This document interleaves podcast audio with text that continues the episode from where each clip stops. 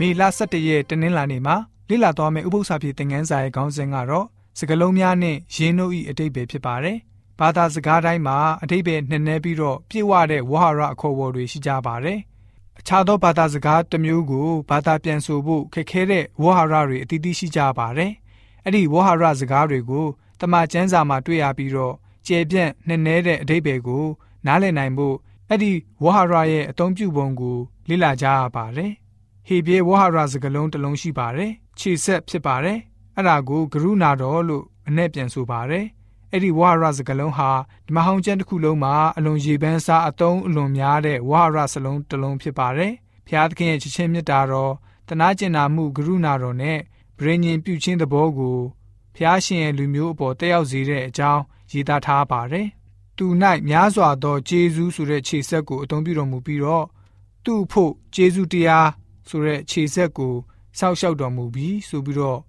ဓမ္မရာဇဝင်တတိယဆောင်ခန်းကြီး3ငွေ6မှာဖော်ပြထားပါတယ်။ကရုဏာတော်ဖြစ်တဲ့ဒီခြေဆက်နဲ့စကားတော်ကိုဖျားသခင်ဆေလွတ်တော်မူဤဆိုပြီးတော့ဆလန်ကျမ်းခန်းကြီး59ငွေ3မှာလည်းပဲတွေ့ရပါတယ်။ဣသေလလူမျိုးနဲ့ဆိုင်ပြီးတော့ယာကုပ်ရဲ့တစ္ဆာဆောင်မှုအာဗြဟံကိုဂျေဇုကရုဏာပြုခြင်း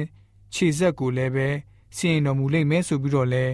မိခအနာဂတိကျမ်းခန်းကြီး9ငွေ20မှာဖော်ပြထားပါတယ်။ ကျမ်းစာတအုပ်လုံးမှာခြေဆက်ဆိုတဲ့ဝဟရစကလုံးကိုတုံးထားပါတယ်။ဘုရားရှင်ရဲ့နဲ့နဲလာတဲ့ကရုဏာတော်မေတ္တာတော်ကို ပုံဖော်ရေးသားထားတာပဲဖြစ်ပါတယ်။နောက်ဟေဘဲဝဟရရှလုံကိုကြတော့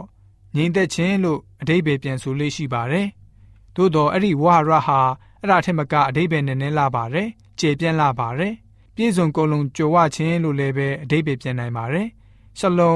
ဝဟရမှာဘုရားသခင်ဟာကျွန်တော်တို့ကို ကောင်းကြီးသွန်းလောင်းပေးပြီးတော့ကရုဏာတော်ထားရှိကြောင်းကိုဆိုလိုတာဖြစ်ပါတယ်။ဘုရားရှင်ထံတော်ကနေလက်ဆောင်ဆုလက်လို့လည်းပဲအဓိပ္ပာယ်ရှိပါတယ်။ယောဘကြုံခဲ့ရတဲ့ဒုက္ခဝေဒနာရဲ့အခြေအနေကြောင့်သူဟာ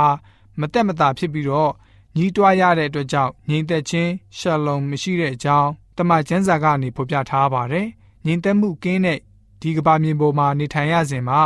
ဥပုံနေ့မှာငြိမ်ဝတ်စွာနေရခြင်းကိုကောင်းကြီးမင်္ဂလာဖြစ်တဲ့အတွက်ကြောင့် ဥပုံနေ့ကိုကြိုဆိုသောအဖြစ်ဟေဘဲလူမျိုးတွေဟာရှာဘတ်ရှလုံလို့နှုတ်ဆက်ကောင်းကြီးပေးကြပါတယ်။ဥပုံနေ့မှာငြိမ်သက်ခြင်းကျေးဇူးဟာဖျားရှင်တဲ့အတူ